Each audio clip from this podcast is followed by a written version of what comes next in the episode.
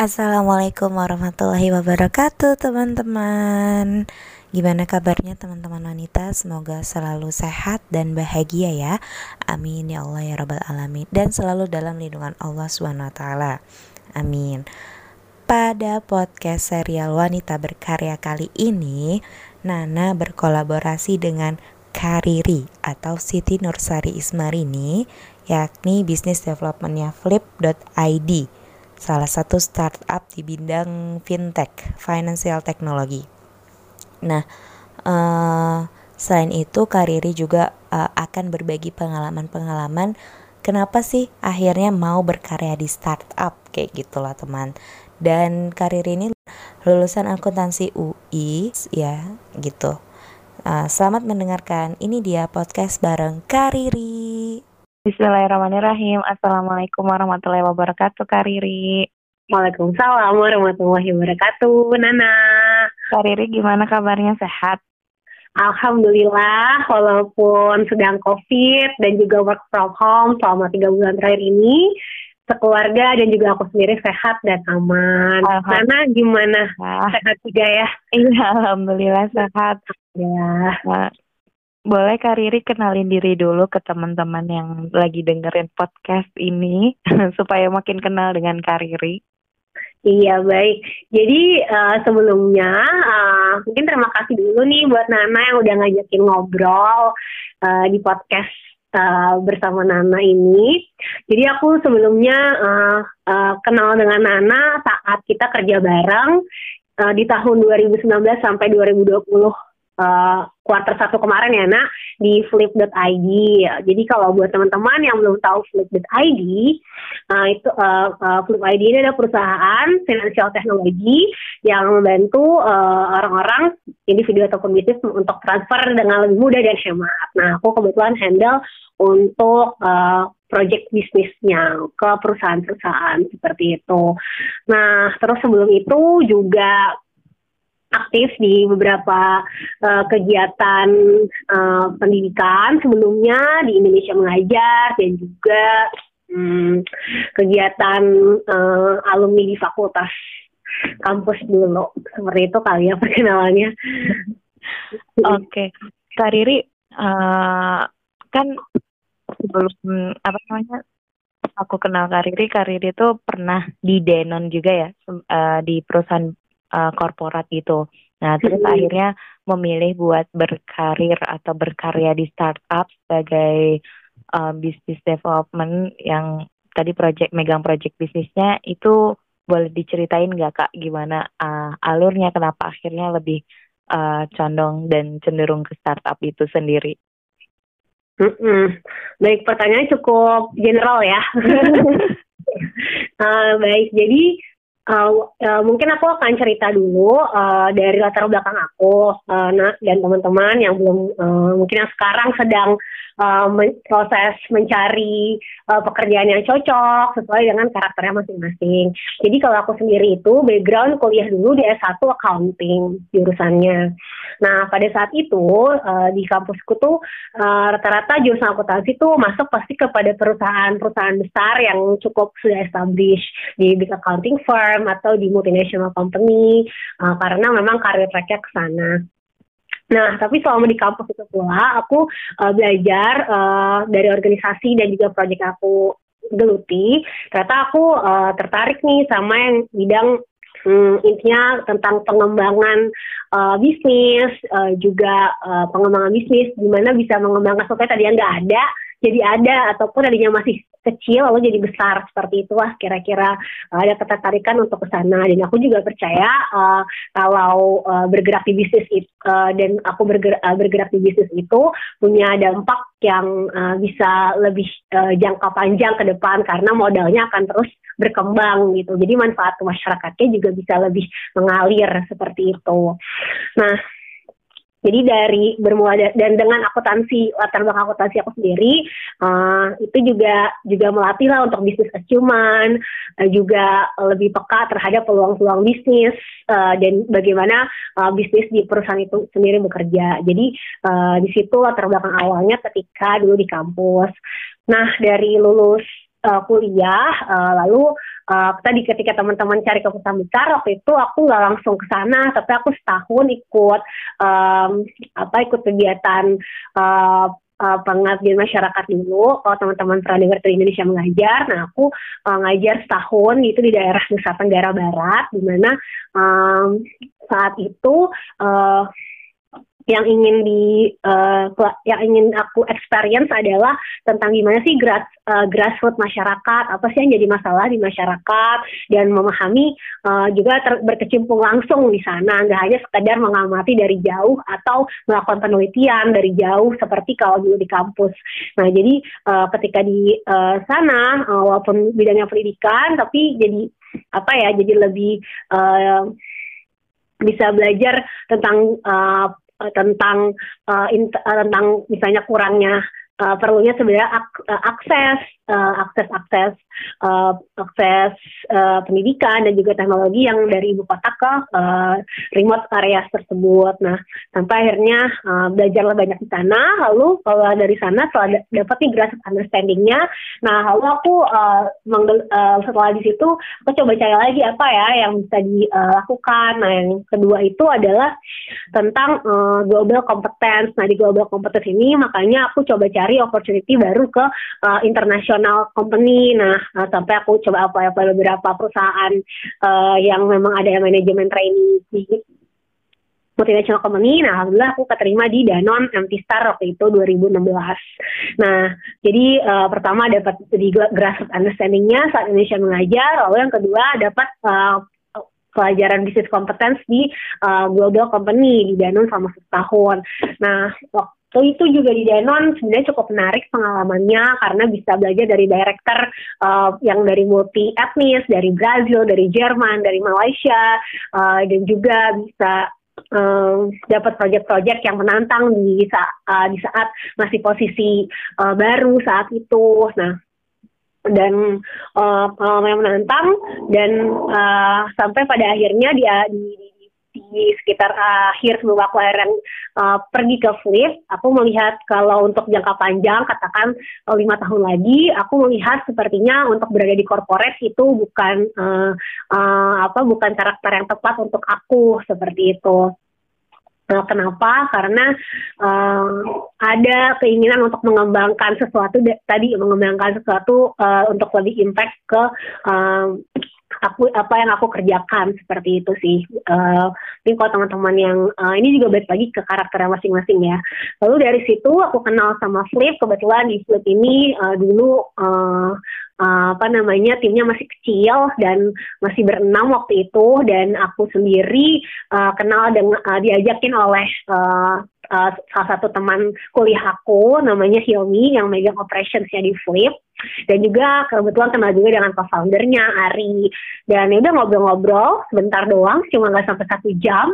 Ternyata mereka uh, di Flip lagi lagi uh, butuh nih untuk um, bisnis uh, development. Karena waktu itu majorly timnya adalah uh, developer dan juga tim operation. Jadi belum ada tim bisnis yang untuk mengembangkan bisnis di Flip. Karena aku sendiri pakai produknya Flip nah untuk itu untuk transfer antar bank tanpa biaya udah sampai satu tahun lebih dan aku lihat opportunity di Flip uh, ke depan akan bisa bermanfaat lebih besar lagi untuk masyarakat yang lebih luas dan hanya perlu uh, apa ya dan uh, di sini uh, aku lihat dengan pengalaman uh, ya dua tahun terakhir aku di uh, di Danon uh, dan juga di Indonesia mengajar mudah-mudahan sih bisa uh, cocok nih dengan kebutuhan di Flip sendiri. Nah dari situ hmm, situlah jadi bermulai waktu itu 2017 jadi kurang lebih tiga tahun yang lalu uh, bergabung di Flip uh, sebagai business development dan selama tiga tahun setelah itu ternyata yang hal yang aku uh, cuk, apa ya mungkin bisa dikatakan termasuk hal yang agak um, apa ya uh, hal yang agak uh, banyak dipertanyakan orang sih karena kenapa nih mau keluar dari perusahaan yang bonafit, yang established, yang karir pathnya udah terjamin uh, ke perusahaan yang masih baru dan uh, belum ada revenue, belum ada pendapatan saat itu, timnya juga belum ada, masih anak-anak baru lulus kuliah, kenapa mau mau uh, bergabung ke situ? Nah itu banyak banget yang bertanya hal itu. Hmm, Uh, dan saat itu sih karena aku orangnya cukup apa ya aku cukup risk taker ya saat itu.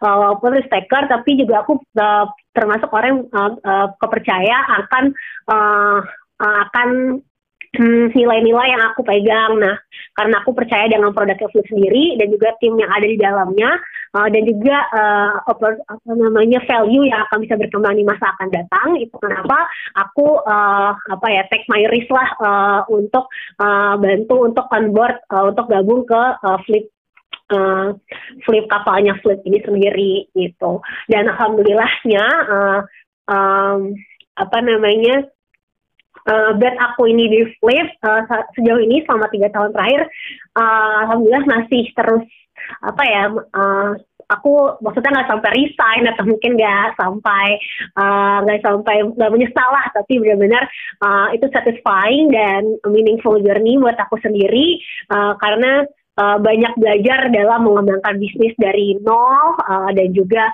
akhirnya bisa berkembang bekerja sama dengan banyak pihak dari perbankan dengan uh, central banks dengan uh, beragam industri per, uh, beragam industri di Indonesia memahami seluk beluk tentang financial service yang mungkin gak aku pelajari di bangku kuliah dulu dan juga um, dan dan juga uh, apa ya dan juga bisa ber, bereksperimen dan bereksplorasi sesuai dengan uh, problems yang ditemukan di lapangan. Jadi itu hal yang menarik dan juga satisfying sih buat aku ternyata gitu. Masya Allah, emang menarik banget sih kak ceritanya.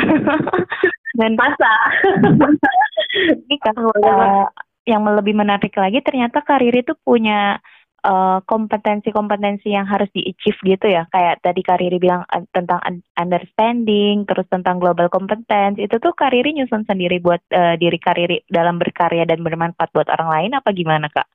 Wah, pertanyaannya menarik. Nah, jadi uh, itu bukan apa turunan maksud dari aku sebenarnya, uh, tapi saat aku di bangku kuliah tahun pertama, uh, waktu itu uh, di salah satu sesi seminar. Uh, ada salah satu pembicara uh, yang sekarang juga jadi salah satu public figure di Indonesia, yang mana beliau menyatakan bahwa ya sebagai anak muda kita ini punya tanggung jawab sebagai satu persen apa uh, penduduk di piramida masyarakat gitu di Indonesia. Nah, jadi dengan kemewahan pendidikan yang kita miliki, uh, kita uh, perlu kita kan bermanfaat kepada masyarakat. Nah, gimana caranya? Yaitu punya grassroots understanding dan juga punya global competence. Jadi dua value itu sih aku coba.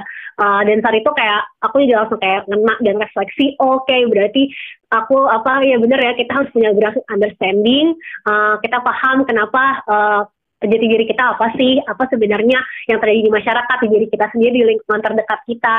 Lalu kita juga bisa menyelesaikan masalah-masalah itu dengan solusi atau dengan kompetensi yang memang sudah best practice di global kayak gitu. Jadi dua ini sih akhirnya membuat aku selama kuliah juga uh, ikut project yang melibatkan uh, dua hal tersebut gitu. Jadi insight ternyata insight dari orang lain juga gitu ya kak ya. Dan ya, uh, teman-teman yang ngedengerin podcast ini, Kariri ini hobi banget belajar dan uh, soal pembelajar tuh panutan banget Kariri dari aku waktu ketemu Kariri kerja bareng. Oke, okay. Kariri uh, boleh diceritain nggak uh, suka dukanya di, di klip apa aja dari 2017 kan udah udah tiga kurang lebih tiga tahun di startup ya uh, terus hmm. meninggalkan perusahaan yang tadi kata Kariri Bonafit udah meninggalkan hal uh, uh, hal-hal yang ibaratnya udah ada privilege-nya sendiri gitu kan nah hmm. akhirnya ngambil uh, keputusan buat terjun dan berkembang bersama dengan teman-teman Flip yang punya value yang sama dengan Kariri juga dan hmm. akhirnya ya bisa sampai saat uh, sekarang ini yang flip makin berkembang uh, canggih banget lah ibaratnya gitu. Baik, thank you Nah pertanyaannya. Jadi kalau aku percaya uh, sebelum kita mengambil tindakan kita harus punya tujuan dulu yang jelas gitu. Semakin uh, clear tujuan kita itu semakin memudahkan kita juga mengambil keputusan. Nah jadi uh, tujuan aku uh, kalau balik lagi ke tahun 2017, aku bertanya kan, aku juga punya mentor satu di Danone. Di Danone itu menarik banget karena kalau lo jadi MT ya, nah lo tuh bakal difasilitasi oleh tiga guru saat itu. Oh. Pertama mentor itu jadi direkturnya di Danone. Lalu yang kedua adalah coach. Coach itu adalah manajer lo. terus yang ketiga adalah Badi Badi ini kayak senior MC yang udah tiga tahun empat tahun lebih lama uh, di perusahaan gitu. Teman belajarnya banyak ya kak berarti? Iya benar. Jadi dari sisi aku itu juga apa namanya salah satu uh, meaningful experience banget aku di Danone. Belum ditambah dengan HR HR badisnya ya yang cukup suportif dengan kita. Nah jadi di Danone itu aku juga ngobrol sama mentor aku Pak Director kayak uh, saat aku kayak bertanya sebenarnya aku uh, di Danone ini, ini adalah uh, apa yang ingin aku tuju bukan sih kayak gitu. Karena kan aku dulu taunya dari luar kan oh ya keren nih oke aku masuk belajar juga oke uh, menarik nih. Sampai akhirnya uh, ada satu poin di mana aku bertanya sebenarnya apa ya jangka panjang goals aku? Kayak gitu.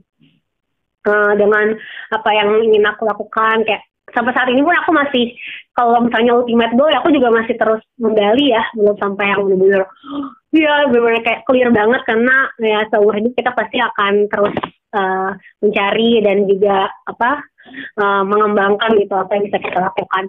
Nah, jadi karena kita ngobrol sama uh, director aku tentang kayak uh, apa sih karir karir goals. Nah, aku kan ngeliat kan uh, di Denon uh, oh ya kalau aku empat tahun lima tahun di sini tuh biasanya menjadi senior manager nanti di Danone aku mikir lihat aku lihat kan senior manager aku pekerjaannya seperti apa gitu Oh, seperti itu. Sebenarnya menarik ya, mungkin dari uh, sisi lain gitu. Cuma kalau aku refleksi aku itu kayaknya bukan deh. Di sini aku nggak, aku nggak tertarik untuk melakukan hal-hal aktivitas seperti itu untuk di masa akan datang. Seperti itulah gambarannya. Uh, ada sedikit judgement seperti itu. Nah sampai akhirnya um, aku tadi uh, bertanya lagi dan aku dapat uh, ini aku ikutan waktu itu kayak startup digital gitu seribu startup uh, gerakan seribu startup aku ikutan pas masih di Danon. Di situ aku kayak ngeliat wah ternyata dengan teknologi waktu itu tahun 2016 anyway masih baru-baru lah startup uh, mulai ya nah ya jadi uh, Nah, jadi masih baru dan aku lihat wah ternyata teknologi ini punya dampak besar ya kalau misalnya kita uh, apa multiply bisnisnya gitu. Nah aku waktu sempat mau bikin startup sendiri, terus kayak coba-coba ternyata nggak semudah itu untuk membuat startup sendiri dengan kapasitas uh, uh, yang aku punya saat itu. Nah makanya uh, aku pikir uh, saat aku ketemu sama Flip, nah uh, di sini ada kesempatan nih untuk belajar sebenarnya. Lagi-lagi aku ngerti sebagai pembelajaran sih dan juga eksperimen sebenarnya. Gimana caranya membangun bisnis dari tadi uh, membangun bisnis dari uh, modal yang terbatas gitu tapi dengan value yang kuat gimana sih caranya nah aku makanya terjun aku ingin belajar sama sama co-founder aku dari ada Ari Lukman Anjar dan juga teman-teman yang ada di dalamnya aku belajar banyak uh, tentang uh, kesabaran, komitmen, tentang problem solving, tentang tidak menyerah dan semacamnya seperti itu. Hal-hal yang terlihat klise di luar sana, tapi begitu nyata kalau ada di flip. Nah, um, sepakat sepakat. Iya, jadi menurut aku itu eksperimen apa ya? experience yang nggak bisa didapat cuma teori doang sih, tapi lo harus menggelutinya langsung. Jadi orang-orang yang punya niat yang kuat juga untuk melakukannya. Nah, uh, itu kenapa um, apa namanya tadi akhirnya aku ke karena ingin belajar membangun usaha, membangun bisnis uh, seperti itu. Terus uh, lanjut akhirnya ke Flip, suka dukanya. Uh, kalau mau diomongin dukanya dulu deh ya uh, dukanya dulu mungkin di awal-awal itu ada jomplang lah ya kehidupan secara finansial yang aku rasakan. Uh, misalnya dulu pas di Danau biasa naik taksi kalau meeting-meeting gitu. nah, aku mau masuk ke flip waktu itu kita tugasku adalah mencari pendapatan untuk flip ya. Jadi kita harus berhemat dong. Uh, nah jadi waktu itu aku harus belajar harus belajar meeting naik kereta, naik gojek, naik motor ya. Uh, jadi yang hal-hal yang kayak gitu loh. Terus uh, dulu pas Danone bikin kartu nama aku tinggal call uh, kontak tim HRGA buat uh, apa nyediain uh, kartu nama. Nah pas di flip awal-awal aku bikin kartu pertama pertama aku, aku tuh hampir ngedesain sendiri, terus datang ke percetakan sendiri, nungguin sampai itu uh, ready supaya bisa disebarin ketika besoknya mau acara event di um, apa namanya tuh di uh, convention center itu uh, duka tapi uh, apa namanya memorable. Iya, terus misalnya lagi uh, tadi ya uh, dari sisi uh, dulu kalau makan makan siang di Danon itu tuh kita disediain makan siang gratis ya tiap uh, lunch hari. Gitu. setiap hari ke kantor nah pas di pas di flip ya kita aku jadi belajar untuk bawa bekal makan siang sendiri bawa tumbler ke mana-mana biar lebih hemat jadi akhirnya aku ngebangun apa ya uh, habit untuk keep money gitu nggak spending money yang berlebihan dan ternyata ketika aku cek uh, mungkin dari sisi um, habit finansial aku jadi lebih baik aku katakan ketika dulu pas jalan aku dapat wah dapat salary maksudnya di MNC kan lumayan besar ya nak untuk iya. tarif yeah. untuk tahap uh, apa uh, fresh graduate ya jadi saat itu tuh aku sama teman-teman di MT kalau hari Jumat itu biasanya suka makan-makan di luar gitu tiap pekan. Oh, uh, ya. uh, nah uh, saat aku di flip, aku justru jadi kayak lebih gila nih ini duit buat apa aja ya. Jadi kayak lebih lebih uh, apa sih lebih peka gitu. Jadi nggak nggak mudah menghabiskan uh, pendapatan aku sendiri jadi lebih membajetkan dan uh, ternyata uh, saving aku justru jadi lebih uh, apa ya lebih terjaga dan lebih bertumbuh dibanding ketika aku pas di Danon dulu gitu. Nah itu agak apa namanya uh, sedikit apa ya ya kontradiksi sih ya. Jadi tadi duka-dukanya itu paling sedikit yang tentang dari sisi finansial. Uh, tapi kalau dari sisi um, sukanya dari sukanya oh ya dukanya juga ada juga sih kayak uh, dulu kalau kerja tuh rame-rame di Denon dan kalau minta tolong orang banyak yang bisa bantuin. Nah kalau pas di awal-awal flip masih baru kita harus mandiri gitu. Jadi kita harus palu iya. gada lah ya. Ya Nana mungkin juga pengalaman sebagai HR pertama di flip yang apa menaruh batu landasan gitu untuk per SDM flip pasti ngerasain lah gimana caranya uh, ngebuat sesuatu dari awal gitu. Jadi uh, dan harus bisa mandiri. Dulu pas awal tuh aku kayak multiple job dari nggak cuma ngerjain bisnis development tapi juga ngerjain jadi operate operation transaksi ngurusin transaksi user user flip terus jadi customer support juga yang jawabin chat-chatnya user flip tiap hari Sabtu uh, bahkan ketika hari libur gitu. Terus uh, apa jadi kita multiple job tapi hati-hati aja. Karena apa karena kita ngejalanin semua barengan. Bahkan co-founder juga yang paling extra miles untuk ngelakuin itu. Jadi kita juga semua motivated dan apa ya semua tuh saling memberikan contoh terbaik yang bisa kita lakukan upaya-upayanya. Jadi nggak saling apa ya nggak ngerasa terbebani sendiri tapi semua tuh uh, gotong royong dan saling apa uh, saling merasakan seperti itu sih. Um, apa ya hal yang buat aku kaget ketika aku masuk. Dan uh, ya luckily fortunately sampai akhir ini uh, ya suka uh, yang sukanya ya uh, pokoknya ya apa yang kita lakukan uh, dengan apa ya kita coba upayakan terbaik insya Allah itu jadi rewarding juga buat kita hasilnya. Dan juga apa namanya buat kita juga makin banyak bersyukur dan juga makin lapang hati uh, ketika kita memulai sesuatu uh, yang mungkin di luar kemampuan kita gitu sih. Jadi banyak belajar dan bersyukur ya itu kira-kira jadi dukanya tuh mengantarkan kepada sukanya juga ya kak iya benar juga sih menarik menarik menarik nah uh, kalau dari kariri sendiri buat teman-teman yang mungkin mau uh, coba berkarya di startup seperti mm -hmm. khususnya mm -hmm. bagian bisnis, megang bisnis atau bisnis development kayak gitu, uh, mm -hmm. ada tips-tips tertentu nggak kak gimana biar bisa survive dalam berkarya terus berkembang lah ibaratnya terus belajar. Hmm, interesting pertanyaan ini penting banget sih karena aku dulu di awal ya nak uh, saat memulai bisnis development ini juga nggak tahu kan sebenarnya untuk to be success in this field apa sih yang harus gue lakukan kayak gitu. Oh. Nah kayak uh, siap uh, apa namanya gimana gitu bahkan sekarang pun aku juga masih terus belajar dan uh, mencari uh, bereksperimen gitu. Nah, cuma kalau aku boleh share pengalaman insight kali ya dari tiga, tiga tahun terakhir aku berkecimpung di bisnis development, terutama di industri finansial teknologi, startup, uh, growing startup company gitu. Pertama, mm, itu adalah uh, kalau uh, sebenarnya bisa dibagi dua sih. Satu yang sifatnya soft skill, yang kedua technical skill ya. Kalau buat yang soft skillnya dulu, ya.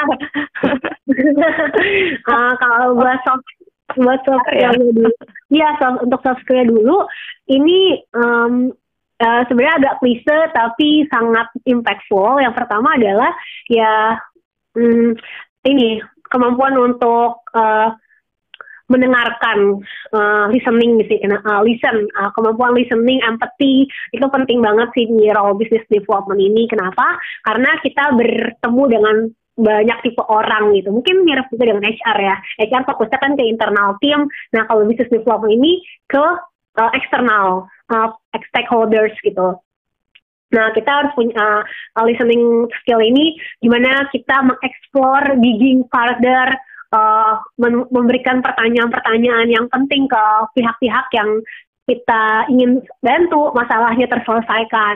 Di sini dalam hal ini katakan segmen market kita gitu. Kalau di Flip aku kasih contoh, terutama yang di Big Flip yang aku pegang untuk customer uh, untuk corporate users adalah industri itu sendiri. Kayak aku berhubungan sehari-hari dengan uh, finance manager, tech manager, operations manager, uh, business owner, beberapa C-level dari perusahaan, dari beragam industri, dari teknologi, marketplace, uh, retail, lalu banking, uh, juga apa namanya uh, financial service uh, jadi cukup beragam uh, industrinya dan juga role-nya. Tapi satu yang menyamakan uh, pendekatan aku uh, akhirnya ke mereka uh, ke setiap bisnis partner aku adalah tentang uh, ini sih listening. Jadi sebenarnya apa sih yang mereka butuhkan, apa painful point mereka, apa jadi concern dan isu mereka, apa goalsnya mereka. Dan dari situ ketika aku bisa paham dan digging further, di situ pula aku jadi bisa merasakan oh uh, ternyata kebutuhan mereka ini gitu. Dan itu yang akhirnya aku sampaikan solusi apa sih yang punya uh, dan juga aku juga jadi bridging ke tim produk terutama tim tech sebenarnya apa sih yang dibutuhkan oleh customer-customer kita supaya hidup, uh, kehidupan mereka jauh lebih mudah dengan adanya solusi dari Flip itu sendiri.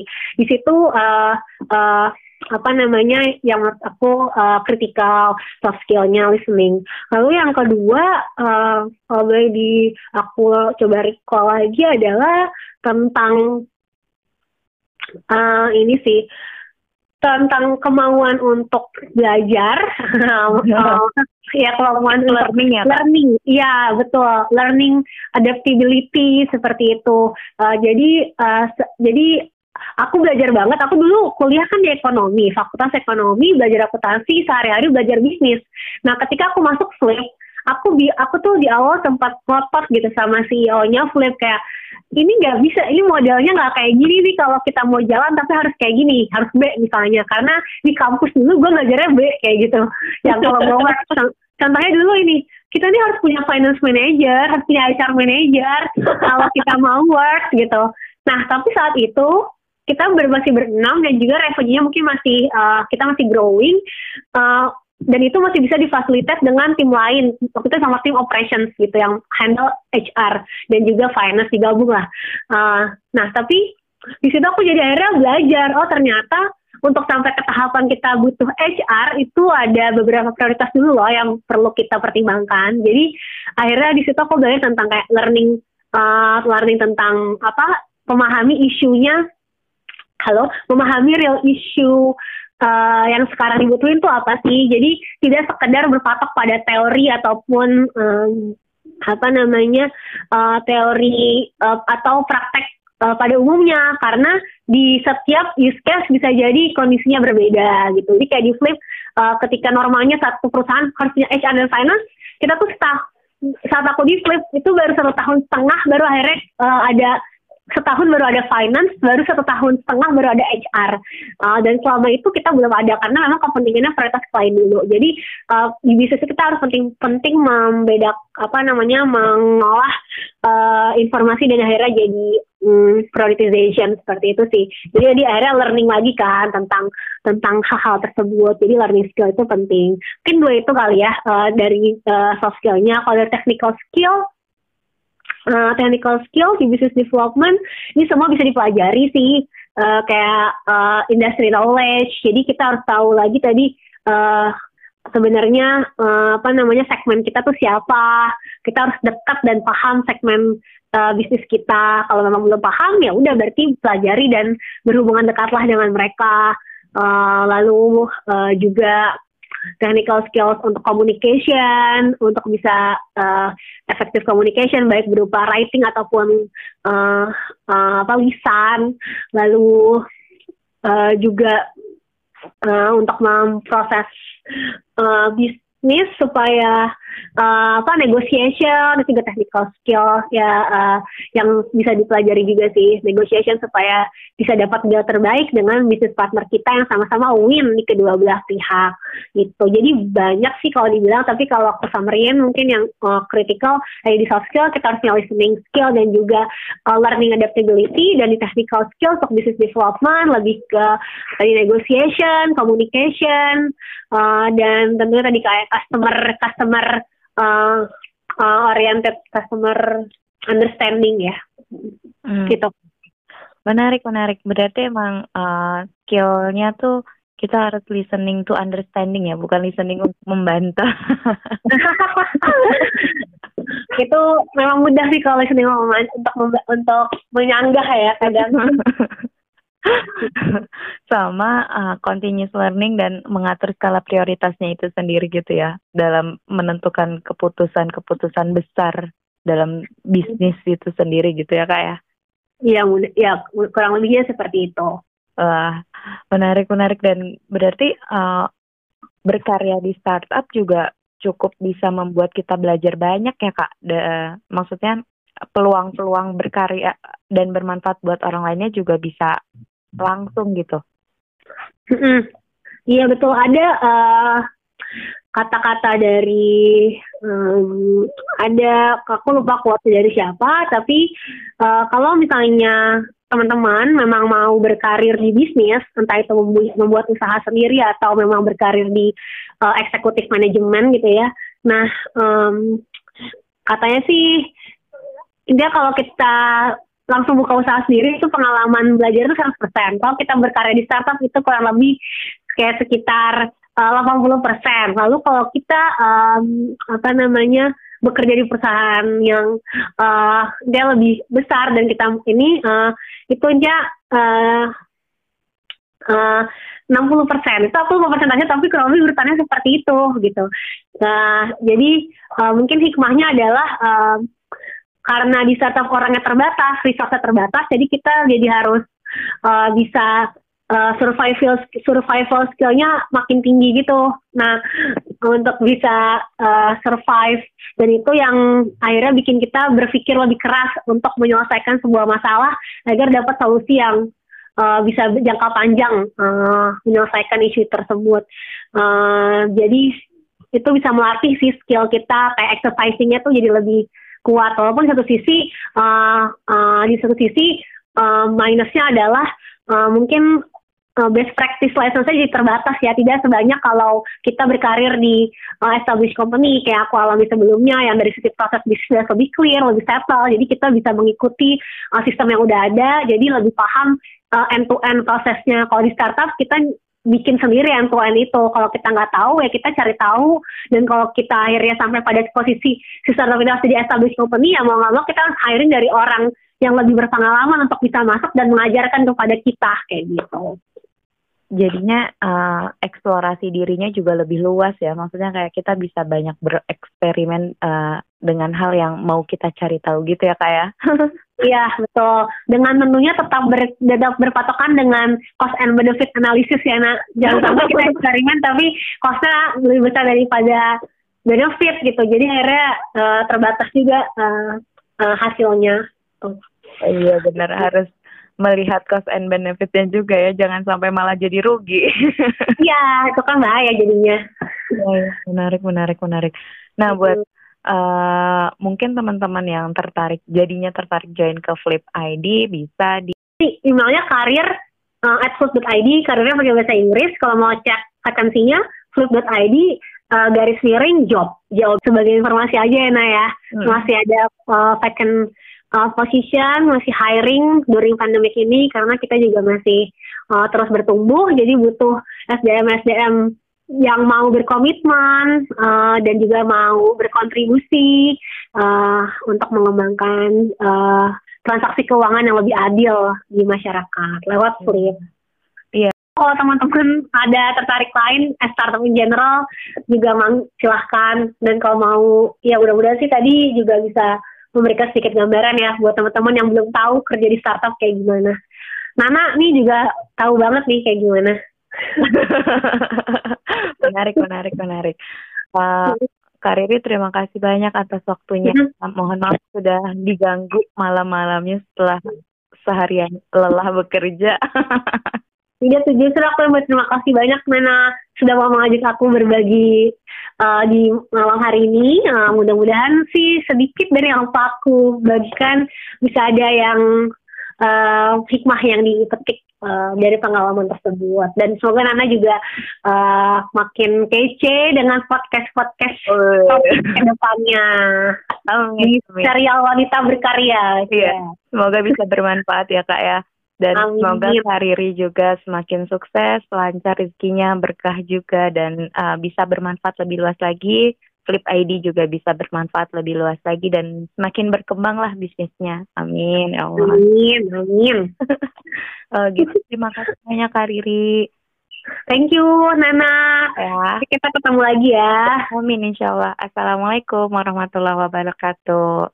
Waalaikumsalam warahmatullahi wabarakatuh. Nah, itu tadi bincang-bincang bareng Kariri bisnis developmentnya Flip. Gimana? Menarik banget kan kerja di startup oke okay, ralat bukan kerja tapi berkarya. Karena uh, pekerjaan apa pun itu pasti menghasilkan sebuah karya ya. Nah buat teman-teman wanita yang mau berkarya di startup terus semangat. Karena startup itu modenya cukup cepat dan butuh fleksibilitas tinggi. Dan seperti yang Kariri bilang butuh terus mau belajar atau continuous learning. Jadi jangan patah semangat harus tetap semangat. Oke? okay? Nah, uh, karya apa pun yang teman-teman mau geluti, semoga itu selalu bermanfaat buat orang lain dan nantikan terus serial wanita berkarya di episode-episode setelahnya. Semoga lebih banyak uh, karya yang menarik lagi buat teman-teman untuk teman-teman dengarkan. Ya, mohon maaf atas segala kesalahan. Uh, insya Allah karya-karya menariknya menanti ya teman-teman.